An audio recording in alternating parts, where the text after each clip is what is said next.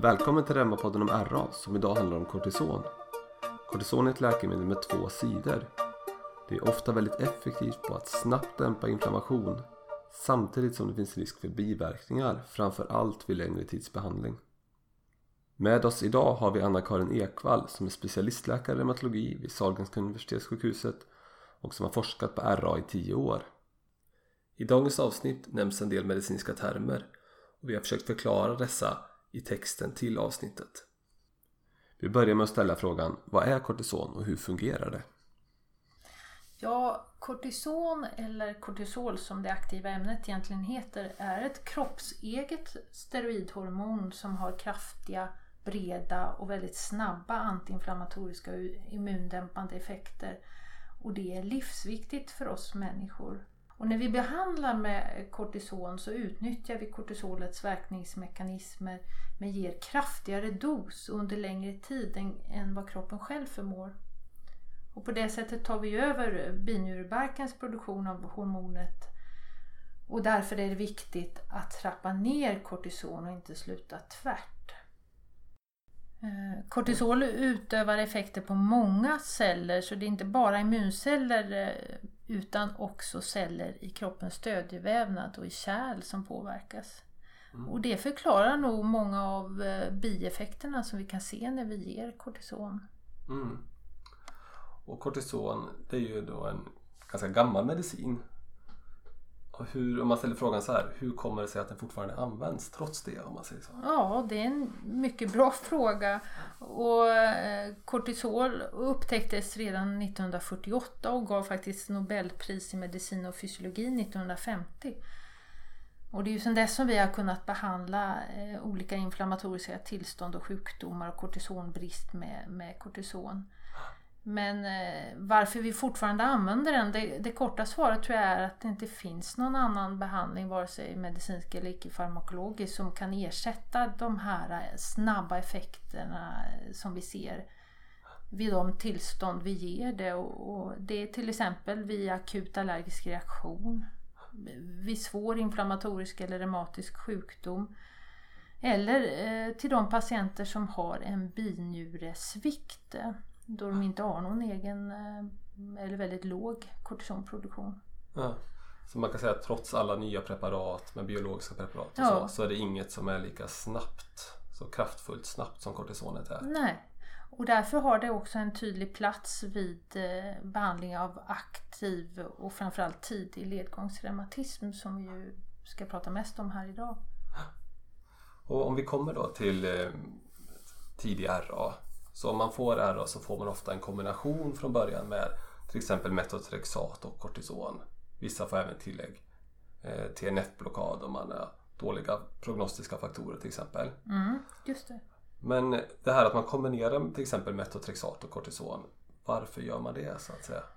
Jo, men, men det är helt riktigt. Eh, det tar ju veckor till månader innan eh, antireumatiska läkemedel som du nämnde, metotrexat, Eh, men även de biologiska läkemedlen tar ju lång tid innan de får full effekt. Och då lägger vi ofta till kortison för att det ger just den här snabba effekten på patientens symptom. Både ledsmärta, ledsvullnad och ledstelhet. Mm. Men sen lugnar det också ner immunsystemet och man har sett i studier att det till och med kan förhindra ledförstörelse. Mm. Om man sätter det i perspektiv där, ungefär hur många veckor tar det för metotrexat att få effekt generellt? Det är olika från patient till patient men eh, vi brukar inte utvärdera effekten förrän efter tre månaders behandling. Mm. Många får ju effekt eh, mycket snabbare men den kommer lite långsamt och från början är de ju väldigt aktiva. Eh, när man har nyinsjuknat. Ja, och kortison, hur lång tid pratar vi om det här? Och där ungefär? pratar vi om timmar. Mm. Eh, och en patient med ledgångsreumatism som får en kortisonkur känner nog effekt efter första dosen men efter några dagar skulle jag säga att man eh, mår bättre i lederna. Mm. Och det här med kortison, ungefär vilka doser ger man ungefär hur lång tid? Om vi nu pratar om någon som har fått en RA-diagnos. Just det. Så, så initialt så ger vi eh, det vi kallar medelhög dos, det är ungefär 20 mg prednisolon per dag. Och sen trappar vi ut det under ett antal veckor eh, och ibland till och med månader.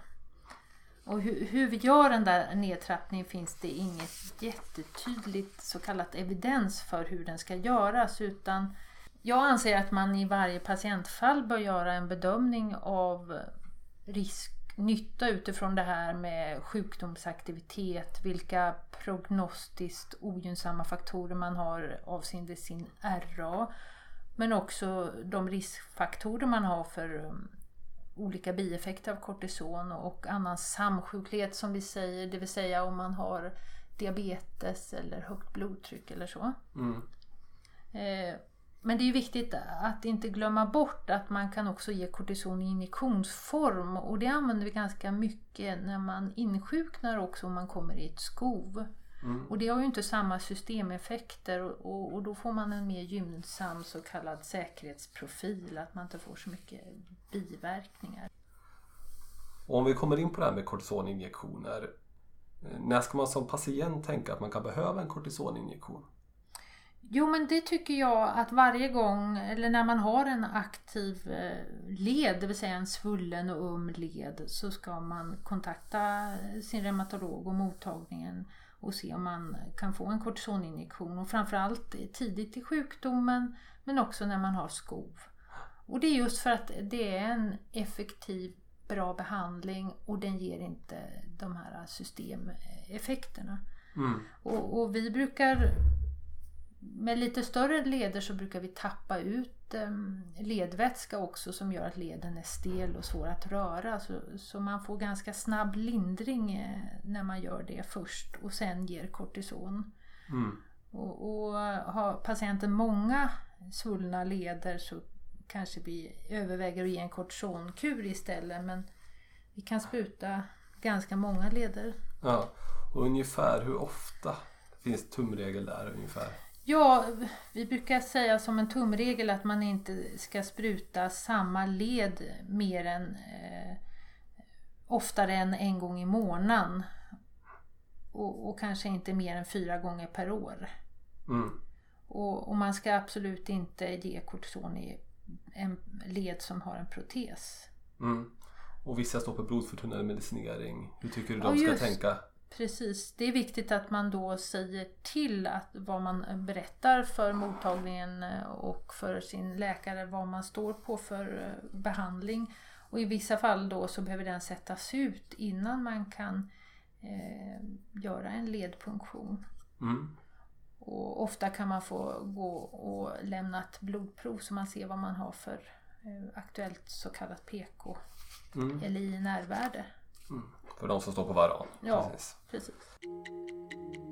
Så trots att kortison funnits så länge är det fortfarande ett väldigt viktigt läkemedel tack vare sin förmåga att snabbt dämpa ledinflammation.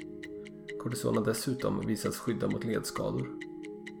Samtidigt finns det risker med kortison och hur förhåller man sig då till det? Hur behandlar man bäst för att få de positiva effekterna samtidigt som man minimerar risker för biverkningar? Och vad kan man tänka på själv om man behandlas med kortison? Jo, men utöver de här effektiva immundämpande eh, effekterna så har kortisol också metabola effekter som ett del i, man kan se det som ett nedärvt fysiologiskt svar för att eh, i en akut situation kunna ställa om kroppen till flykt, det som man på engelska kallar för fight and flight svar. Och det viktigaste på kort sikt är är väl att en del patienter får förhöjt blodtryck eller högt blodsocker. Eh, och en del får också sömnbesvär. Och på lite längre sikt så är det kanske framförallt benskörhet, eh, diabetes och hjärt-kärlsjukdom som vi är lite mer observanta på. Eh, och det här att efterlikna kortisolets snabba och goda immundämpande effekter och inte, de här, och inte få de här metabola effekterna med ett nytt läkemedel har visat sig vara väldigt svårt. Mm. Och det är ju ganska många biverkningar som man kan få. Eh, kan man säga något ungefär hur stor risken är att drabbas av de här biverkningarna? Ja men i princip kan man säga att eh, kortisonbehandling under kortare tid och med nedtrappning som vi har beskrivit eh, inte är förenat med några stora risker eller bieffekter. Men tack vare dagens antireumatiska läkemedel eh, som till exempel Metotexat så, men även biologiska läkemedel behöver nu inte ge så höga doser kortison och inte heller under så lång tid. Och sen det här med att gå upp i vikt av kortison, det är någonting som många är oroliga för. Kan man säga varför man riskerar att göra det av kortison? Ja, effekten av kortisonpreparat på vikt eh, beror framförallt på hur länge behandlingen ges men också på grundsjukdomen och därför är det ganska svårt att mäta. Eh, men min erfarenhet är att det är också väldigt individuellt och jag tror ju att det beror på patientens egen ämnesomsättning. Och som vi sa tidigare så ger kortison en omfördelning av kroppsmassa till mer fettvävnad. Men det är viktigt att ha med sig tycker jag att grundsjukdomen i sig när den är aktiv också gör det. Och att man behandlar med kortison minskar ju sjukdomsaktivitet och därför tror jag att det balanserar mycket av de negativa effekterna. Mm. Och om man då behöver kortison i sin behandling så att säga. Är det en särskild man kan tänka på för att inte gå upp i vikt som patient? Jo men det är viktigt att kortison ger ju ökat aptit och man, man kan känna ett kraftigt sötsug och, och i längden så, så, ökar ju det risken för en övervikt. Vi, vår dietist eh, brukar rekommendera att man äter regelbundna måltider och mycket fiberrikt eh, livsmedel. En annan biverkan vid kortisonbehandling är benskörhet. Vi frågar Anna-Karin Ekvall om detta. Ja, det här med benskörhet det är vanligare hos kvinnor och ses framförallt vid hög ålder om man har haft tidigare fraktur eller om man har haft en längre tids eh, kortisonbehandling. Men det viktigaste är egentligen ehm, den viktigaste faktorn för urkalkning av skelett hos reumatiker är faktiskt hög aktivitet i grundsjukdomen. Mm. Så att, att minska sjukdomsaktiviteten kan i de flesta fall balansera de negativa effekterna av kortison på skelettet. Mm. Så att dämpa sjukdomsaktiviteten är fördelaktigt så att säga mot benskörhet? Ja, precis. Genom att behandla med lägsta effektiva dos och undvika långtidsbehandling så minskar risken för biverkningar. Om du tar kortison för din RA är det bra att vara medveten om att kortison ökar hungern och sötsuget. Om man står på kortison längre tid bör man också ha skelettskyddande behandling. Och om man har stått på kortison länge kan det ibland vara svårt att sluta. Varför är det så och vilka symptom kan man då få? Och hur ska man tänka kring detta? En del blir väldigt pigga och välmående på kortison och har svårt att sluta därför men annars så är det det som vi brukar kalla för utsättningsfenomen. Det vill säga att man får smärta i muskulatur och muskelfästen nära leder. Och de kan vara svåra att eh, skilja från aktivitet i den reumatiska sjukdomen. Mm. Så jag brukar tänka att det är viktigt att under en sån här nedtrappningsperiod att ha en eh, nära kontakt med eh, sin reumatolog eller reumatologsköterska så att man kan eh, stötta och, bedöma och är det sjukdomen eller är det bieffekter man känner. Mm, för det känns ju som det kan vara väldigt svårt säkert att skilja på som patient låter ja, det så. precis. Och eh, vi brukar ofta koppla in eh, fysioterapin och se till att patienten får stöttning med försiktigt ökande fysisk träning som är gynnsamt. Mm. Bra. Något annat särskilt du vill lyfta fram om kortisonbehandling vid RA? Nej men det är det här som vi har pratat om att det är viktigt att man gör en långsam nedtrappning. För att kroppen ska ha tid att eh, själv eh, öka sin kortisonproduktion igen. Kortison har alltså sin plats i behandlingen vid RA, framförallt vid tidig RA och vid skov. Det är ett läkemedel med fantastiska effekter men samtidigt risk för biverkningar. Genom att hålla nere dosen och behandla så kort tid som möjligt så minskas riskerna. Det var dagens avsnitt. Tack för att du har lyssnat. Har du frågor eller funderingar, hör gärna av dig på remapodden vgregion.se